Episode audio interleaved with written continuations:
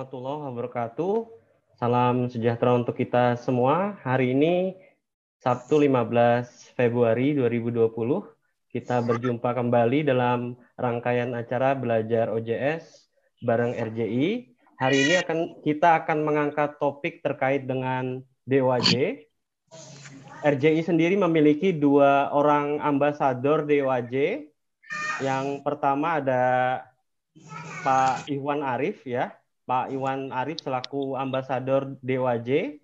Beliau perwakilan dari RJI. Yang kedua ada Pak Tanjil Mutazam. Nah, hari ini tengah tengah hadir bersama kita uh, Pak Iwan Arif selaku ambasador DWJ. Uh, beliau juga pengelola jurnal dari Josi ya. Josi ini menjadi rujukan uh, banyak jurnal ya termasuk saya banyak melihat jurnal Pak Iwan Arif ya mulai dari uh, copyright hak ciptanya bahkan sampai ke uh, lisensinya. Selain itu RJI juga memiliki 12 orang uh, associate editor eh, no, no, no, Indonesia. Oke, baik kita lanjutkan. Jadi hari ini teknisnya Uh, mudah-mudahan teman-teman bisa mengikuti. Nanti pertanyaan bisa uh, disampaikan melewat pesan. Nanti pesannya akan saya catat dan kita akan tampilkan uh, di layar ya Bapak Ibu. Uh, Oke, okay. uh, untuk Pak Iwan mungkin uh, bisa mengambil tempat ya Pak. Ini saya arahkan Pak. Baik, terima kasih Pak Arbain. Saya share share layar ya. Oke Pak, monggo Pak. Baik. Bisa dilihat kawan-kawan?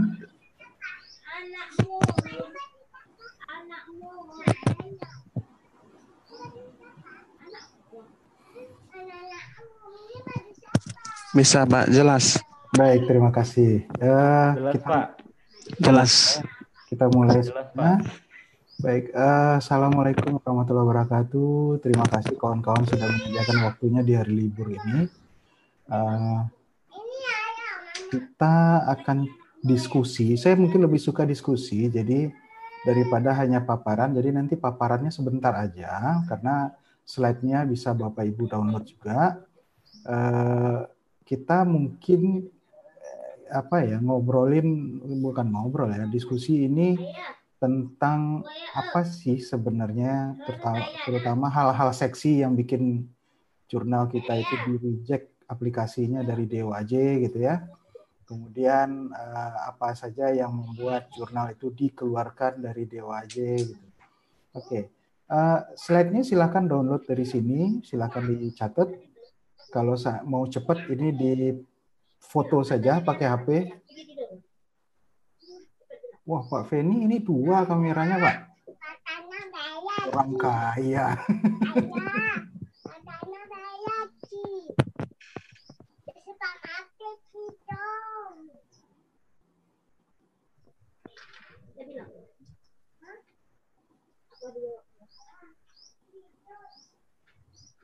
Saya apa? Shoot, shoot, shoot.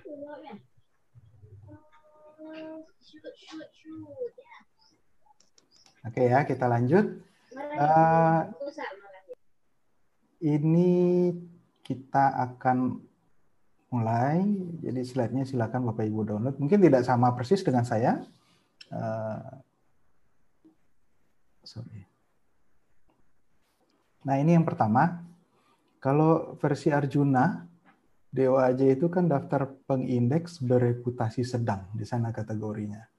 Jadi uh, apa kita bisa lihat bahwa DOAJ ini dia levelnya sama dengan Copernicus, sama dengan Eric, PropQuest, EBSCO, Gale, dan, dan seterusnya. Kemudian yang versi tingginya kan Scopus, POS, dan seterusnya. Nah, kemudian menurut panduan dari uh, pedoman, bukan panduan, pedoman publikasi ilmiah 2019, yang diterbitkan oleh fasilitasi jurnal. Nah ini nggak ada DOAJ dalam daftar. Jadi tabel 2.4, saya lupa nomor halamannya, ini nggak ada DOAJ dalam daftar sebagai lembaga pengindeks yang dipertanyakan. Nah, gitu. Jadi di situ ada yang pertama itu adalah side factor itu juga jangan sampai pernah ada di jurnal teman-teman gitu loh. Karena di DOAJ DOAJ itu sangat memantangkan pantangan benar haram gitu dalam tanda kutip impact factor selain clarify karena impact factor itu kan labelnya Clarivate. Jadi setiap jurnal yang pasang logo impact factor, pastikan itu hanya impact factor dari Clarivate saja. Nah, nggak tahu kalau Sinta nanti kita di, di Arjuna versi kita. Karena di Arjuna itu ada uh, impact factor juga gitu ya. Oke. Okay. Um, eh sorry di Sinta, di Sinta itu ada impact factor juga di jurnal. Jadi intinya ini DOAJ itu nggak ada di dalam uh, daftar pengindeks dipertanyakan menurut pedoman publikasi ilmiah 2019. Oke. Okay. Nah, DOAJ ini website yang mendaftarkan jurnal open access. Jadi kata kuncinya itu open access jurnal. Gitu ya. Seandainya jurnalnya tidak open access ya nggak bisa Kemudian seperti biasa, pasti scientific, scholarly gitu. Kemudian high quality standards, ada peer review prosesnya, ada kontrol kualitas editorialnya. Kemudian kalau seandainya ada pembiayaan-pembiayaan, bilang aja, terbuka aja, nggak nggak usah diumpetin gitu. Nah, kemudian yang penting betul, eh, jangan sampai menyumbang kepada orang untuk mendaftar ke DOAJ. Karena DOAJ itu tidak menerima eh, tidak mem, mem, mewajibkan mendaftar itu dengan membayar biaya-biaya tertentu. Nggak ada sama sekali sampai jurnal itu diterima. Nah, itu dari sisi DOAJ-nya. Tapi kalau Bapak Ibu minta tolong ke orang lain, tolong dong jurnal kami diatur sedemikian rupa, dibantu untuk sesuai dengan DOAJ. Nah, itu cerita lain. Itu itu adalah urusan antara jurnal dan konsultannya tadi. Jadi DOAJ itu nggak ada urusan di sana. Kalau konsultannya mau mau mau patok uang ya itu urusan dengan konsultannya. Tapi dari sisi DOAJ ketika ditanya saya sebagai editor DOAJ atau saya sebagai ambasador DOAJ itu kita nggak ada urusan duit dalam pendaftaran ini. Ya, itu perlu kita pahami. Jangan sampai keluar ada flyer yang bilang daftar DOAJ sekian untuk langsung diterima langsung diterima itu nggak ada. Karena kondisi langsung diterima itu artinya kan menjamin bahwa dengan uang sekian jumlah tertentu itu pasti diterima. Nggak, nggak. Nggak akan ada yang begitu. Selalu ada koreksi-koreksian. Syukur-syukur memang tidak ada koreksi. Karena uh, eh, DOAJ ini berkembang, syarat-syaratnya itu juga uh, nambah terus. Oke. Okay apa sih informasi yang diperlukan untuk masuk ke DOAJ. Oke. Nah, ini informasi yang diperlukan oleh jurnal untuk bisa masuk DOAJ itu ya ini salah satu yang pertama benar. Dedicated website per jurnal. Jurnal ada web address spesifik. Kalau sudah pakai OJS itu sudah selesai.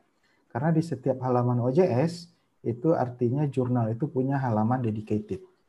Jadi jangan ada umpamanya jurnal dalam sebuah rumah jurnal itu bergabung jurnal-jurnal di situ nyampur keluar di, di halaman depan itu semua. Enggak kayak gitu. Jadi setiap jurnal punya website. Akan bagus sekali bila jurnal itu memakai domain sendiri. Umpamanya seperti kita di UNAN, di UNAN itu semua jurnal uh, memiliki domain sendiri. Seperti jurnal saya Josi itu Josi karena dia ada dalam Eh, dari Fakultas Teknik, jadi josi.ft.unan.ac.id. Nah, kemudian jurnal-jurnal lain juga di Unan itu ada jakp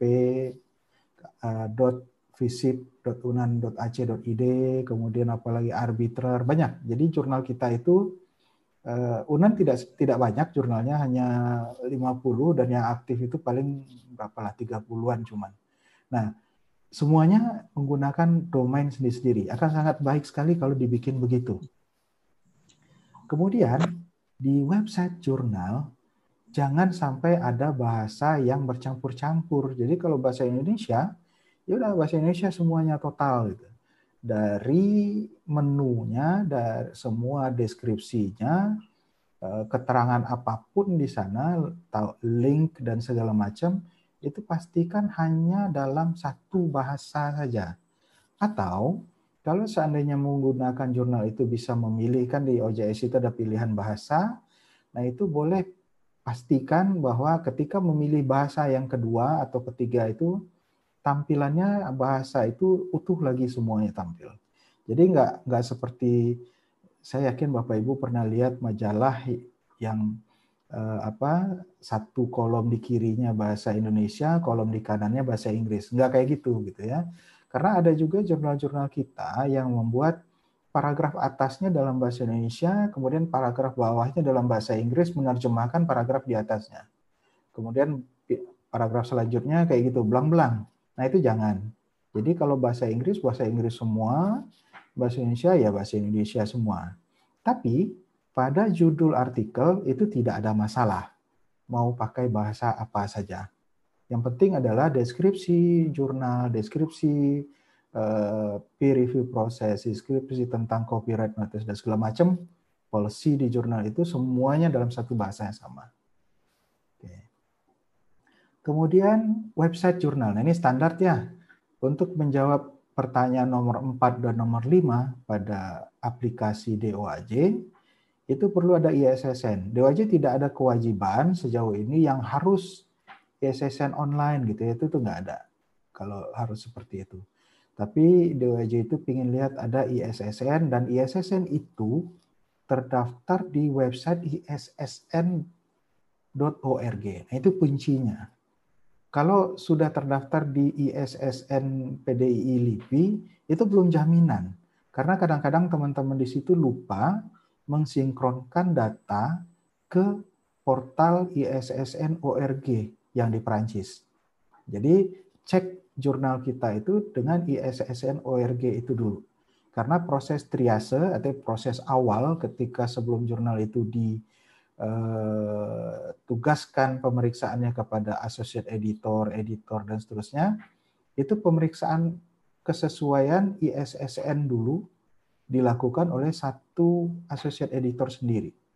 ISSN itu diperiksa sesuai nggak judulnya, sesuai nggak dengan data di portal ISSN ORG, baru dia dilanjutkan pemeriksaannya. Kemudian yang unique identifier itu alamat website pada level jurnal, kemudian ada DOI.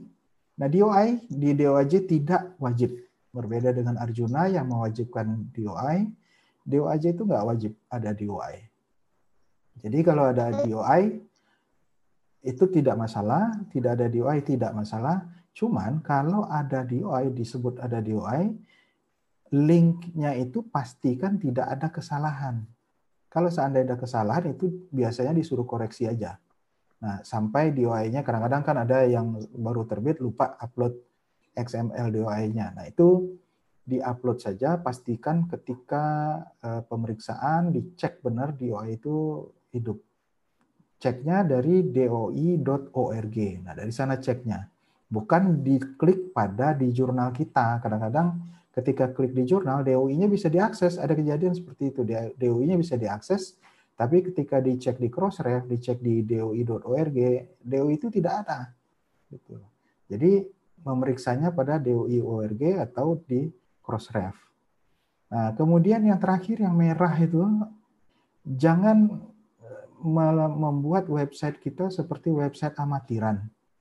Zaman-zaman saya baru belajar HTML dulu itu ada uh, teksnya itu blinking, teksnya kedip-kedip, kemudian tulisannya jalan mundar-mandir kiri kanan gitu. Nah, jangan gitu deh karena itu tidak memperlihatkan profesionalisme kita.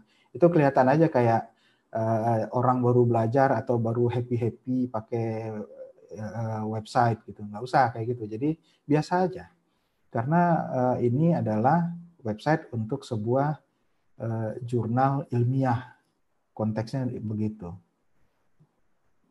kemudian jurnal konten konten di jurnalnya Yang pasti ada tanggal publikasi. Itu kalau nggak ada kelewatan udah. Kemudian volume isu itu kalau nggak ada juga kelewatan. Nah, pada DOAJ hanya diperlukan lima artikel per tahun yang akan diperiksa, minimum. Kalau kurang dari lima artikel, baru itu reject. Nah, beda sama Arjuna, Arjuna itu ceknya kan dua tahun terakhir. Kalau di DOAJ, enggak. Cukup katakan ada sebuah jurnal, sudah terbit, ada ISSN-nya, artikelnya lebih dari lima, itu sudah layak mengajukan mendaftar ke DOAJ. Jadi nggak ada cerita jurnal baru harus nunggu sampai dua tahun dulu baru masuk DOAJ itu keliru. Lima artikel saja atau enam artikel saja terbit itu sudah bisa mendaftar ke DOAJ. Jadi jurnal-jurnal baru kalau mau ngedaftar ke DOAJ nggak usah malu-malu. Selama sudah ada terbitan artikel full text-nya ada tersedia online, mau ada DOI apa enggak tidak ada masalah gitu ya. Nah, silakan. Yang penting di daftar isinya itu ada halaman artikel itu halaman awalnya berapa, halaman akhir artikel itu berapa. Kemudian nama penulis dan segala sampai orchid ID. Karena eh, terakhir informasi kalau Bapak Ibu baca di blog DWJ, DWJ akan bergabung datanya eh, ada penggabungan data dengan orchid.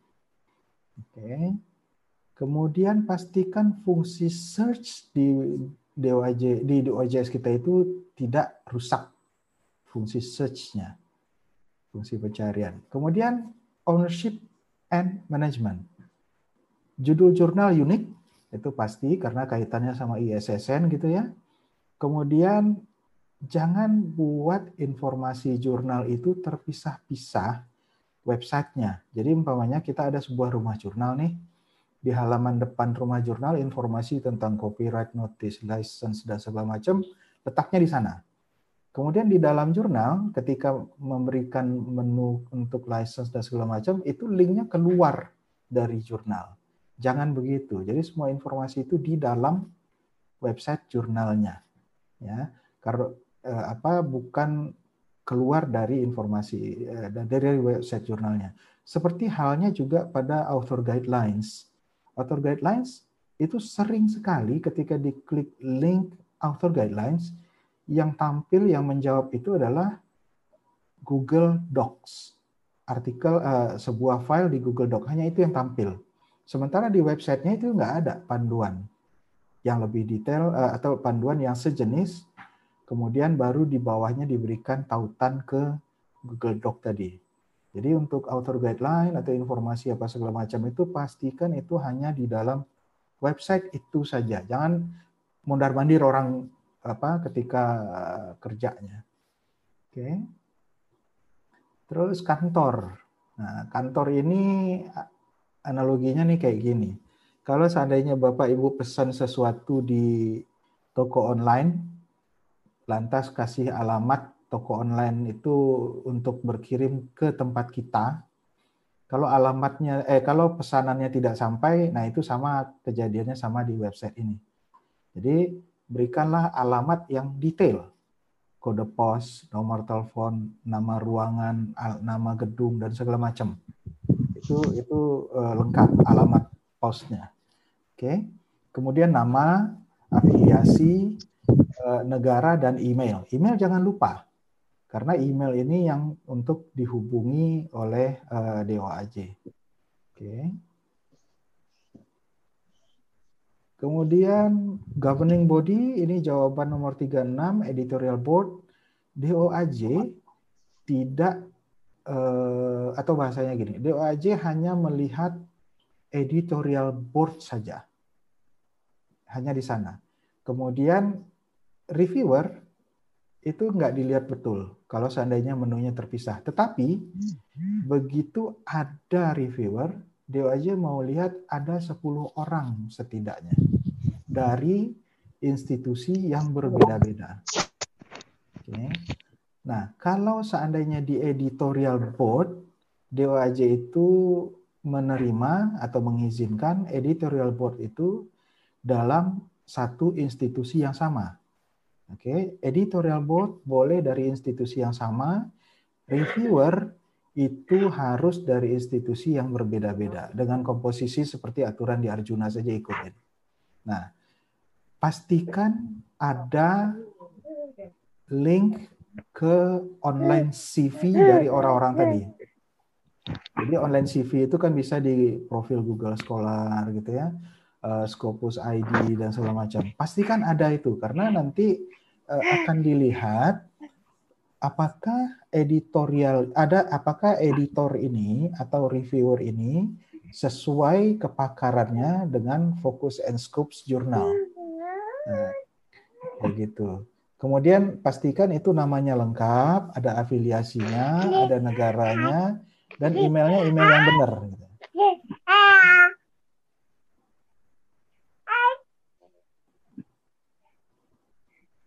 Baik, kita lanjutkan. Kemudian biaya, author fees, biaya-biaya untuk penulis. Apa yang akan dibebankan ke penulis? Ada pertanyaan 13 itu artikel processing charges. Bebas, terserah mau diterapkan berapa saja. Tapi jangan dibuat APC ini kalau setelah diterima DOAJ berubah angkanya. Jadi ketika mendaftar DOAJ APC-nya 0, begitu diterima DOAJ tiba-tiba APC-nya 10 juta. Jangan begitu. APC itu ditulis di jurnal sejak jurnal itu mendaftar ke DOAJ bila APC itu akan ditukar setelah jurnal diterima di DOAJ, Bapak dan Ibu harus iya, iya. lagi harus ngelapor lagi ke iya.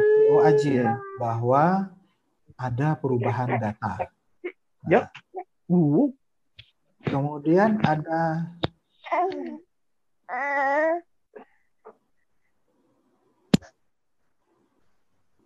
Kemudian ada artikel submission charges pertanyaan nomor 17 itu biasanya sih dibikin nol aja, kecuali kalau Bapak Ibu emang mau bikin begitu artikelnya disubmit, orangnya harus bayar. Nah, itu urusan jurnal lah, nggak ada urusan. DOAJ hanya mau tahu berapa saja biaya-biayanya. Tidak ada kewajiban harus nol, harus ini, nggak, nggak ada urusan. Oke. Okay.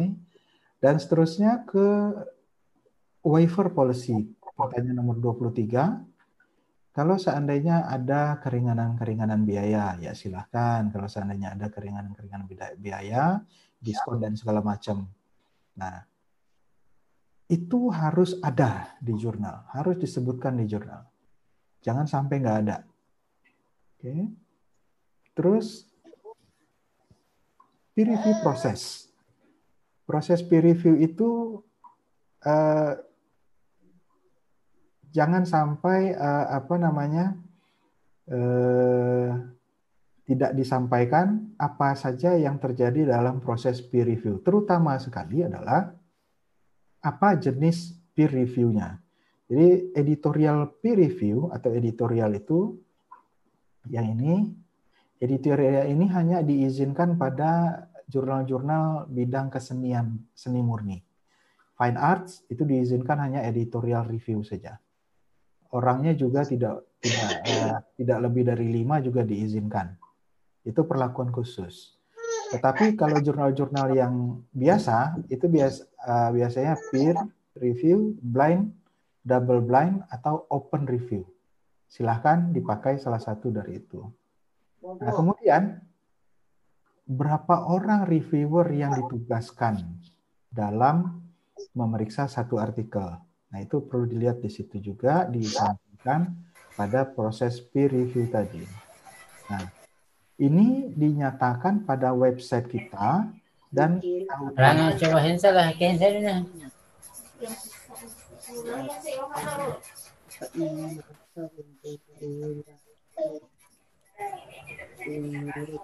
dan tautannya diberikan pada pertanyaan nomor menjawab pertanyaan nomor 38. Baik, kita lanjut. Instruction for authors atau author guidelines ya. Harus detail. Itu pertanyaan nomor 40. Oke. Nah, kalau seandainya dalam instruction for authors itu atau author guideline itu juga disebutkan proses peer review-nya apa, copyright-nya apa segala macam, silahkan, tidak masalah. Kalau dibuat terpisah pernyataan peer review dan segala macam itu boleh saja.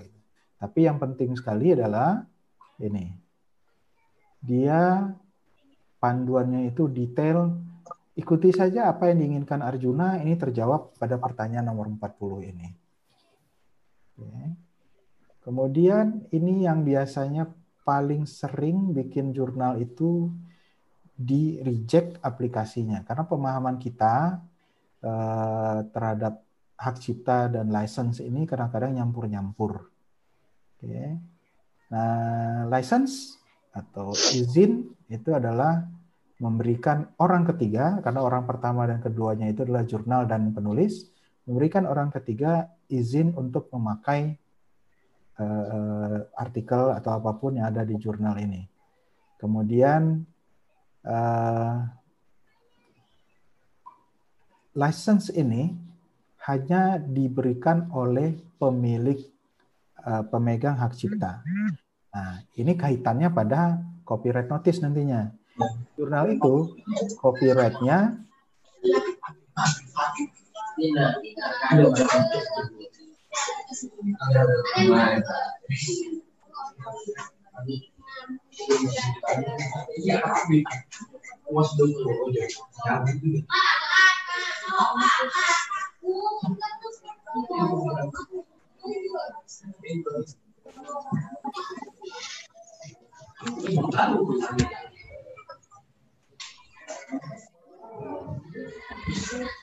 이거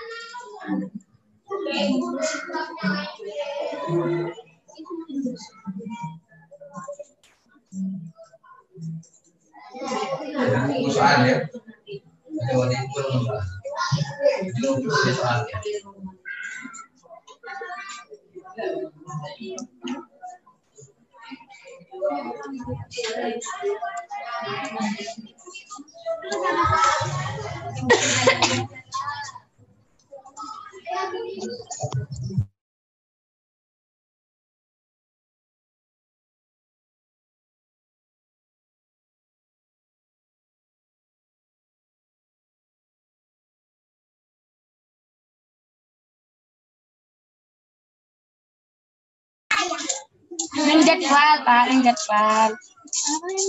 Ayun, bala lang. Sa anyang akida, yung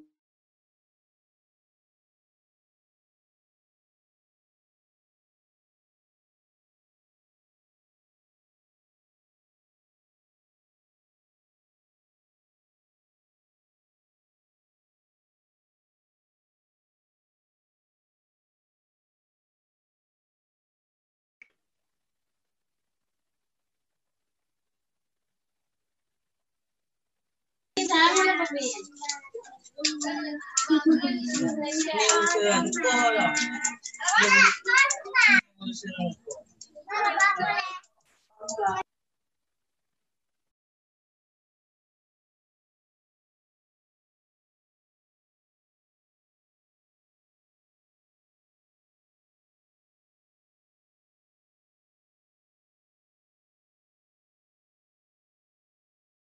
saya yang di mute sama moderatornya. Oke. Sudah, sudah Pak. Sudah. Oke, saya kita Sudah. lanjutkan ya.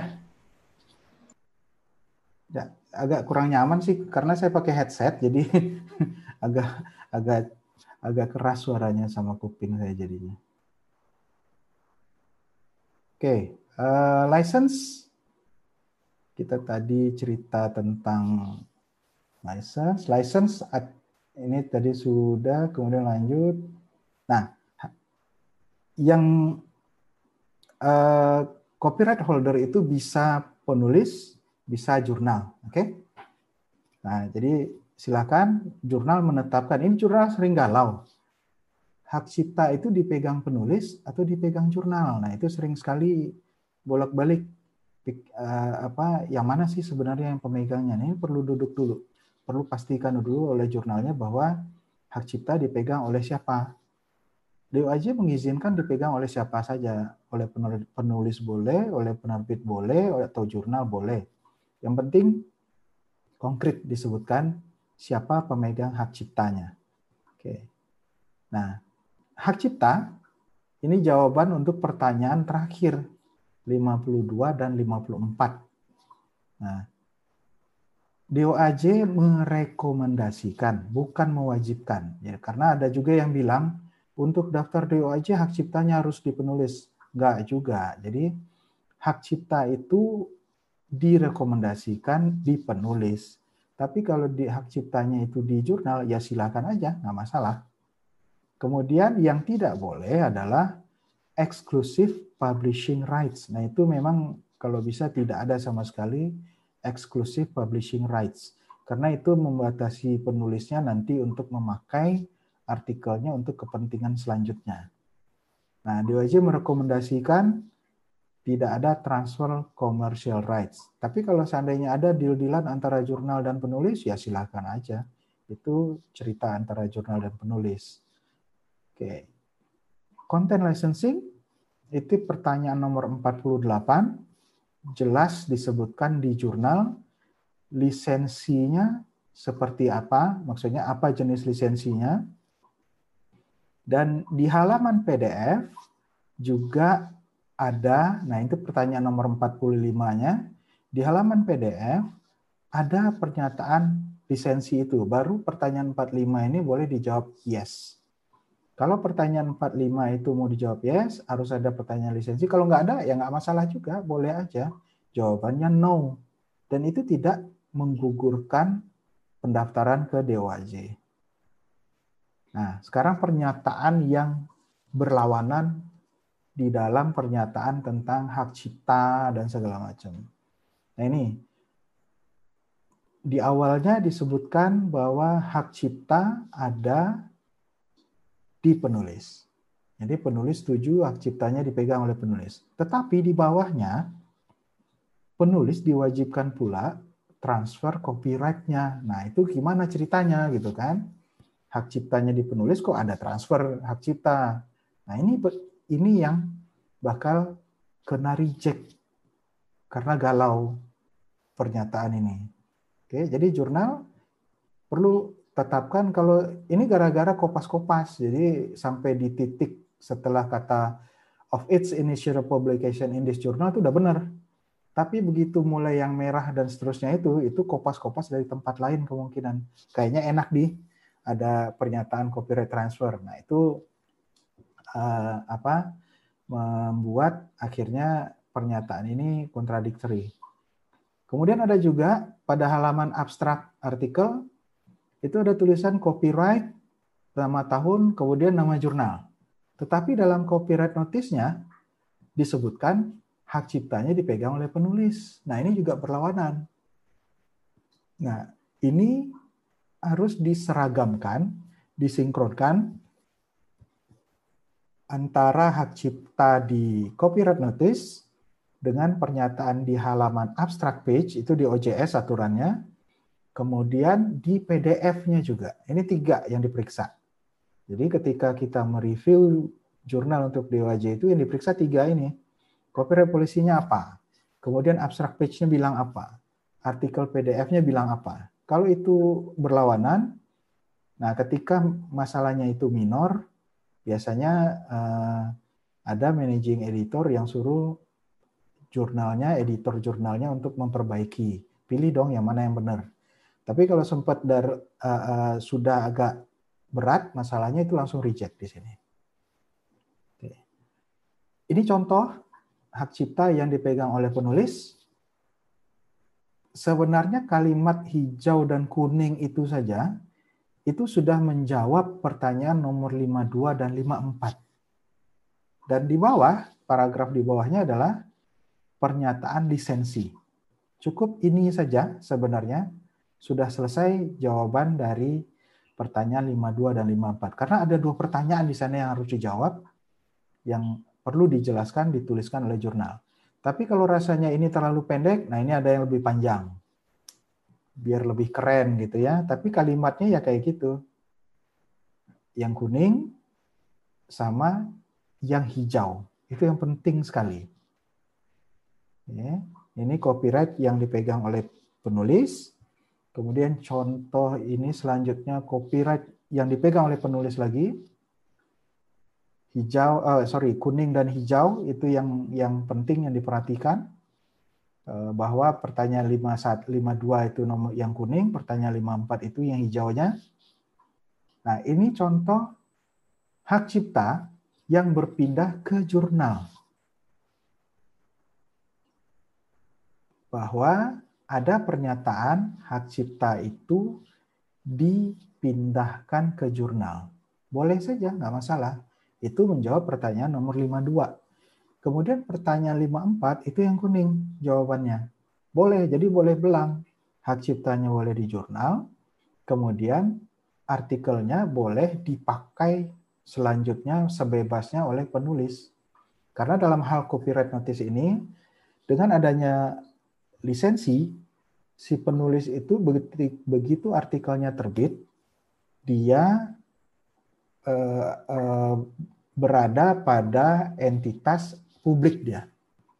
Tapi pernyataan copyright notice ini memberikan perbedaan kepada penulis, gitu loh. Jadi kalau seandainya penulis begitu artikelnya terbit di jurnal kita, dia eh, masuk pada entitas publik. Dia harus patuh pada aturan lisensi yang ditetapkan oleh jurnal.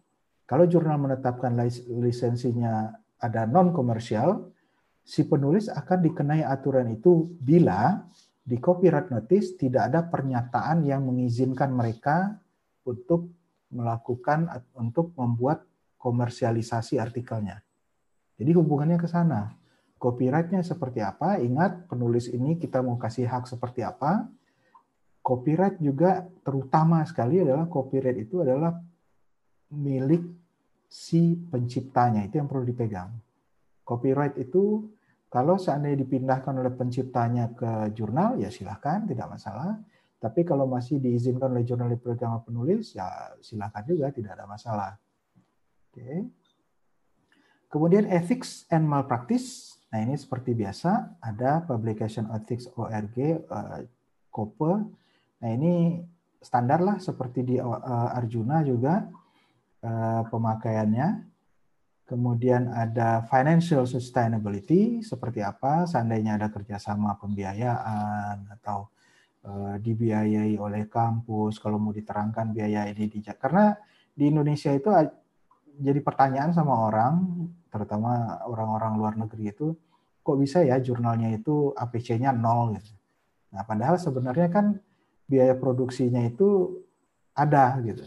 Nah, ini bilang aja seandainya APC-nya nol, biaya-biaya ini katakan ternitin dibiayai oleh lisensi kampus, Grammarly lisensinya dibiayai kampus, kemudian apalagi DOI itu dibiayai oleh kampus gitu. Itu sebutkan aja kalau seandainya ingin menyebutkan. Atau kalau ada kerjasama dengan pihak ketiga, dengan asosiasi, ya silahkan saja seperti apa. Kemudian jadwal terbit. Nah, jadwal terbit sama seperti aturan di Arjuna, jangan sampai ada yang terputus. Tetapi DOAJ tidak peduli kalau seandainya satu, satu tahun itu hanya ada satu edisi. Nggak harus dalam satu tahun itu harus dua edisi, tiga edisi. Nah, yang kuncinya adalah pada jumlah artikel tadi. Kalau artikelnya kurang dari 5 per edisi dalam satu tahun, sorry, total artikel kurang dari 5 artikel per tahun, mau punya 5 edisi sekalipun, itu nggak masuk. Jadi kalau satu edisi lantas artikelnya lebih dari 5, oke. Okay. Dua edisi artikel totalnya cuma 6, DOJ juga welcome aja. Silahkan. Tiga edisi juga gitu kalau mau. Jadi silahkan aja. Cuman ya kebangetan aja jurnal kalau seandainya terbitnya satu edisi cuma satu artikel kan. Kemudian access and usage. Ini pertanyaan nomor 44. Jangan sampai ada embargo. Ide dari open access itu adalah begitu jurnal itu terbit, dia eh, artikelnya itu bisa dipakai, dibaca, di-download oleh semua orang sebebas-bebasnya secara gratis. Kemudian statistik download yang diinginkan bukan statistik seperti uh, uh, uh, start counter, tetapi statistik download per artikel itu. OJS 3 itu enak, sudah ada langsung uh, uh, pluginnya. Ini contoh pernyataan uh, open access statement-nya. Semua konten tersedia secara gratis langsung untuk digunakan di download copy dan segala macam. Oke, tanpa izin dari penerbit atau penulis. Tapi jangan lupa mengunci dengan license. Karena license inilah yang mengatur seperti apa eh, penggunaan artikel tadi. Kalau seandainya CCBY saja, artinya itu bebas. Orang kalau mau katakan dia kumpulkan semua artikel jurnal ibu bapak, lantas dia bundel jadi buku, kan kita tampilkan sampai dari halaman depan sampai halaman belakang tuh. Nah, kalau seandainya dia mau bundel jadi satu buku, kemudian dia cetak banyak-banyak, taruh di toko buku, kalau CCBY itu nggak ada izinnya, eh, nggak ada larangannya orang itu, karena dia boleh aja jual. Oke. Terus uh, ini masih sampel uh, statement dari open access. Immediate open access to its content, itu kata kuncinya, kata immediate itu. Okay. Nah, kemudian ini eh, kalau seandainya jurnal-jurnal ibu bapak mau ke DOAJ SEAL. Kalau untuk kepentingan naik pangkat, mau SEAL atau green tick itu nggak ada urusan. Jadi nilainya sama aja.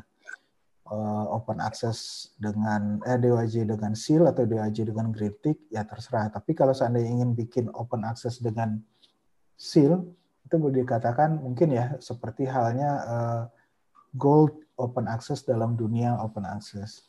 Oke, okay, best practice-nya ada tujuh kriteria. Nanti ibu bapak bisa cek di website DOAJ. Qualifier-nya ada ada tujuh qualifier. Yang pertama adalah ada digital archiving arrangement. Nah ini dulu RJI pernah merencanakan RJI Archive, tapi sekarang nggak jadi. Server itu tidak dilanjutkan oleh RJI. Eh, ini sempat penjajakan ke DOAJ untuk bisa uh, pakai RG Archive. Uh, tapi yang diinginkan DOAJ itu adalah yang memakai konsep logs, clocks, atau Portico, kemudian PKP log, National Library, dan jangan memakai server repository kampus. Itu tidak diakui. Okay. Uh, contoh uh, backupnya, preservationnya memeriksa apakah ini akan dijawab yes pada bagian press, uh, digital archiving, lihat pada thekeepers.org, masukkan ISSN jurnal kita, apakah ada record archivingnya. Kalau yang keluar hanya ISSN registry itu belum. Ya. Nah, uh, di Unan kita sedang menjajaki ke Portico itu bayarnya 250 US dollar per tahun untuk semua jurnal uh, yang menurut Portik yang kita laporkan ke Portico dengan penghasilan di bawah saya lupa 225 2500 US dollar per tahun apa 250 ribu di website Portico ada.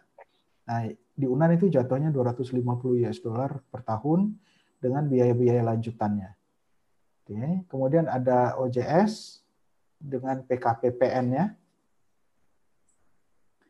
Uh, eh, permanent identifier ini DOI, DOI yang current artikel 1 dolar, 0,15 dolar untuk back files.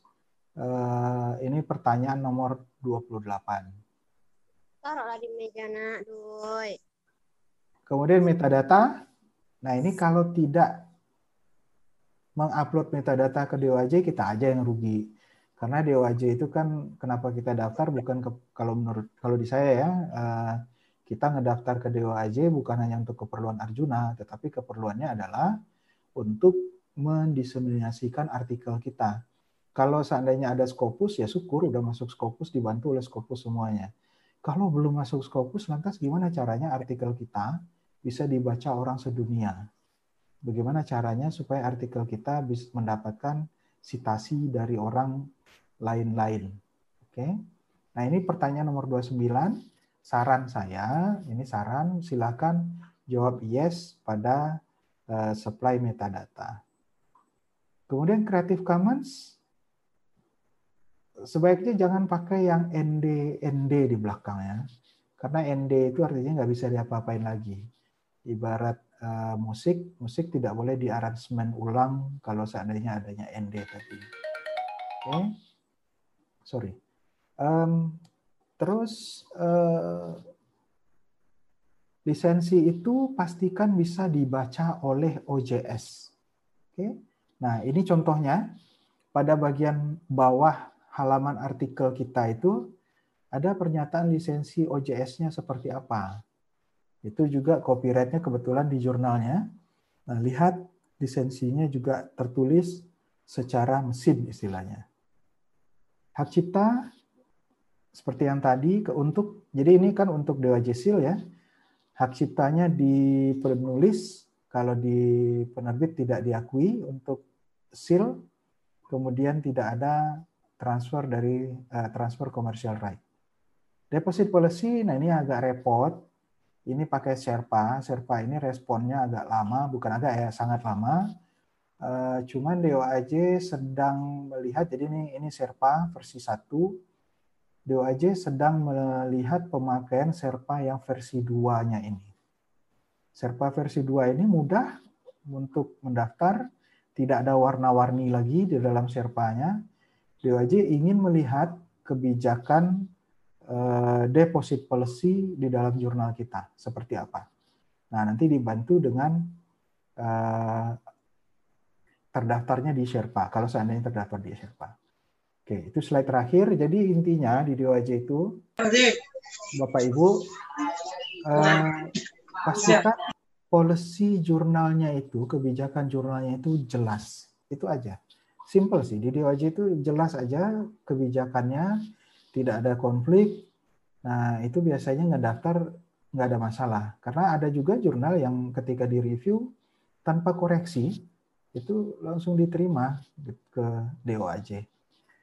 Oke, mungkin segitu dari saya Pak Arbain. Silakan. Uh, Oke, Pak Iwan. Terima kasih Pak.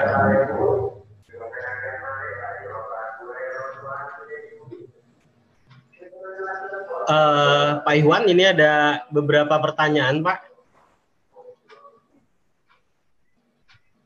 Pak Iwan? Halo, Pak? Ya, ya, saya dengar. Nah, ini ada pertanyaan, Pak. Ini ini kenapa ada kotak-kotak hitam nih, Pak? Pak ya. Ini ah Ah, ini ada beberapa pertanyaan, Pak, terkait dengan DOAJ ini. Tadi sudah saya catat. Oke. Okay. Bisa dibantu untuk Siap. menjawab. Saya langsung jawab sambil baca ya. Oke. Oke, nomor satu itu kalau Eng Inggris nggak boleh Pak, tapi kalau Ing Inggris boleh. Jadi terbitan pertama bahasa Indonesia ya silahkan. Kemudian menjadi bahasa Inggris boleh aja, nggak ada masalah. Paling kita akan menyebutkan deskripsi jurnal kita aja, nggak ada masalah. Di, yang yang yang tanda kutip haram itu adalah kalau di dalam jurnal itu bukan di artikelnya, itu belang-belang bahasanya. Kalau di artikel ya boleh aja, selama tidak di dalam artikel itu belang-belang bahasanya. Oke. Kemudian uh, strategi agar diterima oleh DPC. Nah itu tadi barusan disampaikan semuanya. Ya, bagaimana mempertahankannya? Ya itu yang tadi lagi ngikut ke yang tadi. Strategi untuk diterima DOAJ, ya bikin polisi-polisi jurnalnya jelas, Eh, tidak bertentangan hak cipta dan lisensinya. Nah, untuk mempertahankannya ya pakai aturan itu jangan ditukar-tukar gitu. Tetap aja aturannya seperti apa. Tapi bukan berarti tidak boleh ditukar. Peraturan itu boleh ditukar dengan syarat perubahan-perubahan itu dilaporkan ke DWJ. Karena ada jurnal yang ketika dia melakukan perubahan, perubahannya lupa dilaporkan ke DWJ. Saat DWJ membacanya, itu polisinya sudah berbeda. Gitu. Nah, waktu itu baru kemungkinan dikeluarkan. Tapi biasanya nggak langsung dikeluarkan juga. Eh, apa namanya? Biasanya kita akan dikirimkan email mengenai kondisi tersebut. Oke. Eh, nomor tiga, Pak Arbain, saya dapat layar hitamnya banyak nih, Pak Arbain. Oh, enggak, Pak. Siap, Pak. Udah, Pak. Udah, Pak. Ah, Bapak main-main ya. nomor tiga, eh, Ya, jadi nomor tiga itu betul. Lima artikel per tahun. Terserah.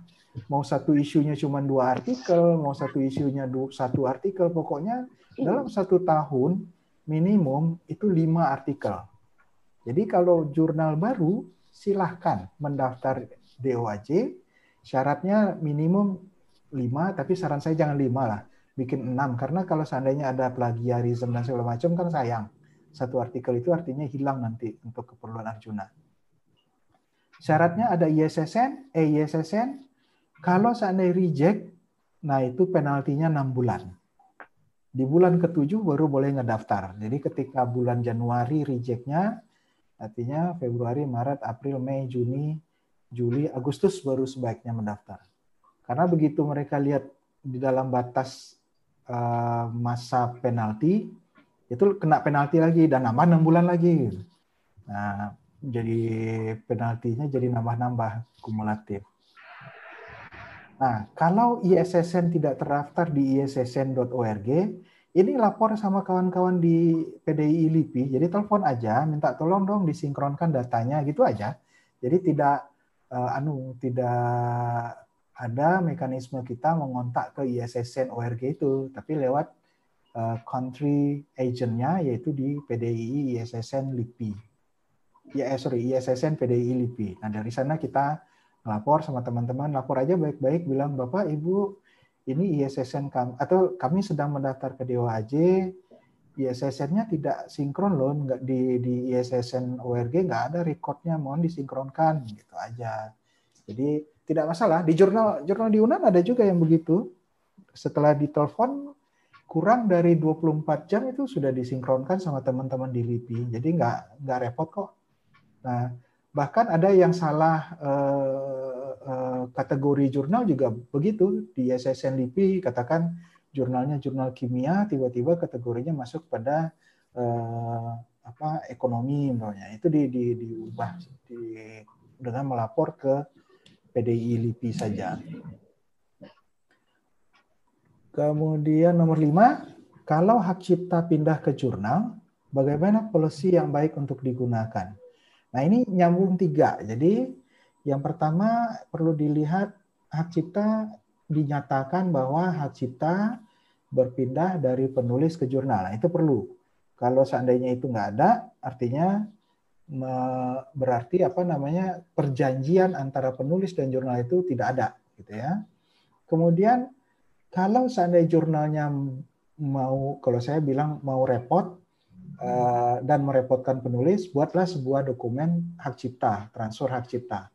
Kalau saya lebih suka mungkin kalimatnya dalam copyright notice itu setiap penulis yang submit artikel ke jurnal ini menyadari bahwa hak cipta berpindah ke jurnal dengan kondisi begini begini begini begini dan tidak diperlukan spesifik sign off katakan seperti itu. Jadi nggak perlu tanda tangan tanda tangan nah jurnal juga enak penulisnya tidak repot kalau seandainya ada eh, masalah di hak cipta jurnal sudah menyatakan itu dulu hak cipta berpindah dari penulis ke jurnal. Kalau penulisnya nuntut segala macam, nggak ada cerita. Penulisnya yang tidak membaca copyright kita.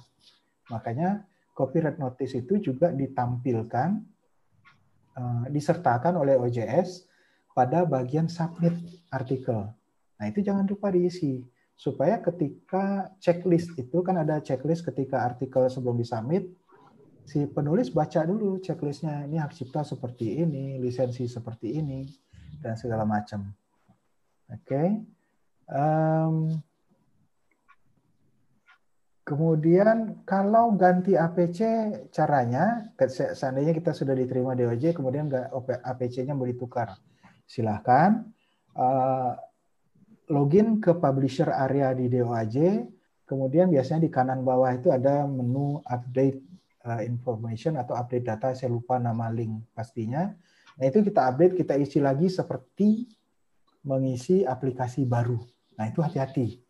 Jangan sampai ada lagi policy-policy yang konflik. Baca dulu sebelum melakukan perubahan. Karena ini update ini dinilai oleh reviewer di DOAJ itu seperti penilaian baru lagi. Oke. Eh, tidak lewat email, jadi dengan mengisi itu saja cukup. Kemudian eh, nomor 7 juga sudah sama dengan nomor 6 ya.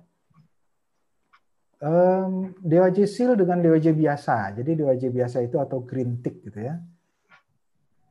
Ini kita pindahkan dulu cara pikir kita dari eh, keperluan jurnal untuk naik pangkat sama keperluan jurnal untuk publikasi.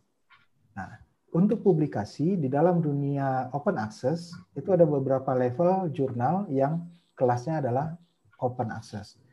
DOJ Seal kategorinya pada Gold Open Access. DOJ Green Tick itu hanya open access biasa, katakan demikian. Nah,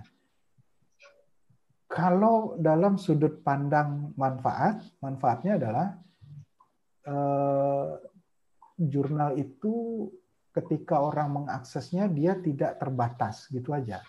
Karena dia hak cipta dan segala macamnya dibuat sebebas-bebasnya katakan demikian. Tapi dia uh, sorry dia bisa saja jadi public domain kalau seandainya ingin dibuat demikian. Um, keuntungan manfaat keuntungan kalau seandainya untuk urusan naik pangkat nggak ada bedanya DOAJ Seal atau DOAJ Green Tick. Ya silahkan lah mau pakai yang mana aja. Gak ada urusan. Oke. Nomor 9. Nah, nomor 9 ini saya perlu tahu kalimat pastinya di dalam surat cinta dari DOAJ itu. Di dalam surat cintanya itu kalimatnya apa gitu ya. Persyaratan perbaikannya ada pada editorial board. Biasanya ada specifically begini begini begini biasanya begitu ada jadi kalau seandainya ikuti saja itu daftar sekali lagi biasanya diterima gitu karena eh, cukup terbuka mengenai apa yang perlu dikoreksi oleh jurnal atau eh, boleh aja diskusi di forum diskusi RJI kasih link jurnalnya lihatkan emailnya eh, ya email yang dikirimkan DOAJ nanti di sana diskusikan eh, apa saja penyebab kenapa jurnal bapak atau ibu ini yang dua kali apply DOAJ di reject dua kali. Artinya ini sudah pertama apply tunggu enam bulan reject kena penalti enam bulan udah satu tahun. Ini udah dua, dua udah dua tahun artinya. Oke. Okay. Eh, terdaftar di Sherpa Romeo tidak ada kewajiban. Nah, di, kalau ada Sherpa Romeo itu gunanya untuk yang tadi di wajib seal kalau ada di Sherpa Romeo, syukur, tidak apa. Tapi Sherpa Romeo itu ya lama amat, uh, lebih dari satu tahun kadang-kadang baru ada responnya kadang-kadang. Tidak ada kewajiban untuk daftar di Sherpa Romeo. Oke, okay. bagaimana jika nomor 11 nggak punya digital archiving, nggak masalah. Itu boleh dijawab non, bukan yang menggugurkan aplikasi ke DOAJ. Oke. Oke, yang terakhir itu Pak Arbain di scroll dong Pak. Ya. Mengapa waktu tunggu untuk pendaftaran DOJ harus enam bulan? Aturannya begitu, tapi sebenarnya sekarang udah berubah. Dulu memang enam bulan, tapi di website DOJ tidak ber, tidak ditukar. Sekarang itu dibatasi tiga bulan saja. Jadi Bapak Ibu mungkin sudah dapat lihat beberapa jurnal itu satu bulan langsung terima di DOAJ ada kejadian begitu. Apply katakan tanggal 12 eh, tanggal 1 Februari kemudian tanggal 5 Maret itu sudah masuk DOAJ. Ada yang begitu. Jadi yang sekarang kecenderungan terakhir kesepakatan di editor, managing editor dan segala macam di dalam tim itu maksimum hanya tiga bulan sudah keluar hasilnya. Nah, kenapa lama? Sering sekali pertanyaannya gitu. Nah, ini kadang-kadang associate editor orangnya santai, kadang-kadang udah diterima, dia lupa ngerjain. Nah, ini ber, berlanjut terus eh, apa namanya? jurnalnya masuk dalam daftar penugasan tapi belum diperiksa sama associate editor. Kadang-kadang begitu apakah pada ya nomor 13 ya dong jangan email tetangganya gitu loh nah, jadi kalau editorial board dan reviewer itu ya email per orang karena gini terutama nah ini untung eh, Bapak Ibu yang nanya. Karena gini, terutama pada jurnal-jurnal yang mencantumkan eh, nama anggota editorial board dan reviewernya itu adalah orang dari luar Indonesia. Dari kampus asing terutama, eh, mereka itu dikontak oleh DOAJ. Ya, jadi ketika ibu bapak meletakkan nama orang, jangan cuma dicomot-comot aja. Pastikan memang orang itu tahu bahwa dia adalah editor dan tentunya dia diharapkan ikut bekerja gitu ya. Bahwa dalam proses editorial juga kerja, review juga kerja. Jadi kalau naruh nama orang, ya jangan dicomot-comot aja, taruh, taruh, taruh, taruh. Karena ada saya ketemu jurnal seperti itu. Cuman meletakkan nama orang, ketika dikontak oleh biasanya yang kontak tuh managing editor uh, atau editor in chief, bukan di level editor dan associate editor. Mereka yang kontak orang itu. Ada kejadian, jadi begitu dikontak orangnya heran. Enggak kok, saya bukan editor di situ, saya bukan reviewer di situ. Itu jurnalnya langsung reject. Gitu. Jadi hati-hati meletakkan nama orang dan pastikan bahwa emailnya itu memang email orang tersebut. Oke. Okay um, review proses policy nggak ada kaitan. Jadi jumlah artikel dan proses peer review itu nggak ada kaitan. Sebenarnya kalau mau pakai dikait-kaitkan ya common sense aja. Artikelnya terbit 100 artikel. Kemudian reviewernya cuma bertiga. Bener nggak sih gitu kan? Itu aja sebenarnya kalau kaitannya ke artikel. Jadi artikel kalau 100 artikel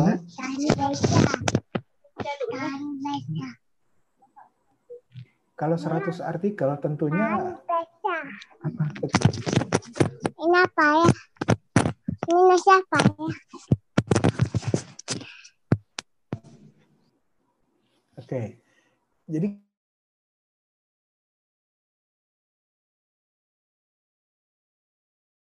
commute Pak. Oke. Kalau 100 artikel tentunya ya minimal ada 10 orang lah nge-review atau 20 orang gitu ya. Jadi common sense saja, logika saja. Uh, Pak Arbain ketutup lagi Pak yang itu. Ya, terima kasih. Kalau jurnal sudah enggak enggak ada urusan. Kalau sudah dapat akreditasi ya pakai yang peringkat akreditasi, akreditasi aja Pak Ibu.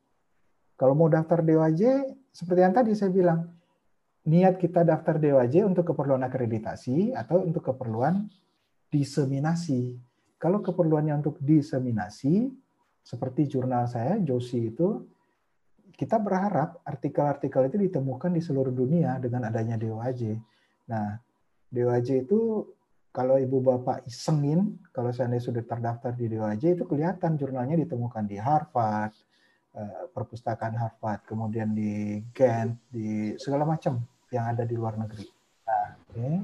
Itu kalau ibu bapak isengin, kalau seandainya sudah terdaftar di DOAJ itu kelihatan jurnalnya ditemukan di Harvard, eh, perpustakaan.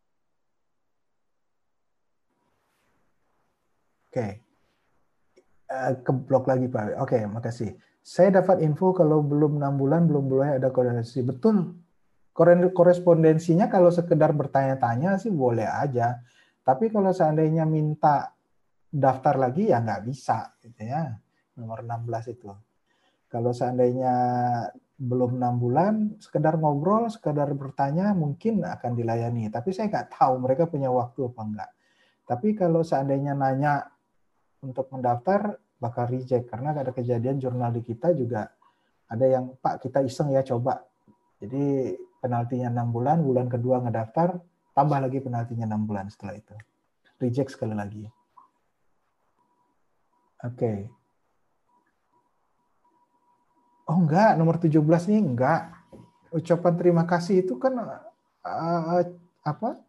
urusan dapurnya jurnal sama reviewer Gak ada perlu disampaikan di website jurnal, tapi kalau seandainya jurnal ingin menampilkan berita-berita segala macam dan termasuk pernyataan terima kasih itu juga tidak dilarang. Tapi kalau di DOAJ itu nggak ada urusan, silahkan lah itu urusan internal antara jurnal dan uh, reviewernya. Nomor 13 tadi. Ya, betul. Betul. Jadi nomor nomor 18 melanjutkan pertanyaan nomor 13, betul. Kan di dalam OJS itu ada profile setiap user. Nah, editor dan reviewer itu kan user yang kita jadikan editor, user yang kita jadikan reviewer. Nah, mereka harus ada detail seperti itu. Bahkan sebutkan institusinya. Kalau ada biodatanya taruh di situ sekalian. Jurnal yang bagus. Nah, ini pakai iklan hit jadinya kan. uh, cek di DOAJ aja kalau saran saya. Karena gini ada jurnal yang dia menetapkan hak cipta di penulis. Ada jurnal menetapkan hak ciptanya di uh, jurnal di, di, di di jurnal. Bisa jadi itu berbeda. Karena definisi bagus itu juga apa ya? Nggak ada standarnya mungkin ya kalau terhadap pendaftaran DOAJ karena aturan-aturan DOAJ itu jelas dalam pertanyaan itu jawab aja semuanya itu itu udah ikut ikut uh, pendaftarannya. Gitu. Oke. 19 udah Pak Arbain ada lagi? Habis sudah Pak sepertinya Pak. Habis. Oke. okay. nah, mungkin Bapak bisa out videonya Pak? Saya? Teman-teman mau lihat Oh gitu. Yang mana nih orangnya nih? Ada Oh, yang iya. dia nih. Oh iya, ada yang mau lihat saya. Iya, Pak. Ini Iya orang, Pak, saya, saya juga kangen Pak Iwan. ini orang Nah, Lebih ganteng nggak gitu loh sekarang. orang tua ini. Oke. Baik, itu Pak Arbain eh, kawan-kawan. Jadi mudah-mudahan bermanfaat ya eh, informasinya. Karena Alhamdulillah nih. kenapa? Udah udah jelas, Pak. Oke. Mantap, Biar kenal, Pak. Eh, Iya, ini sorry nih jenggotnya lagi rame, lagi malas nyukur. Salam kenal Pak. Salam Pak. Salam kenal, Pak. Ya, Pak. Jenggot sama kumis Pak Hewan.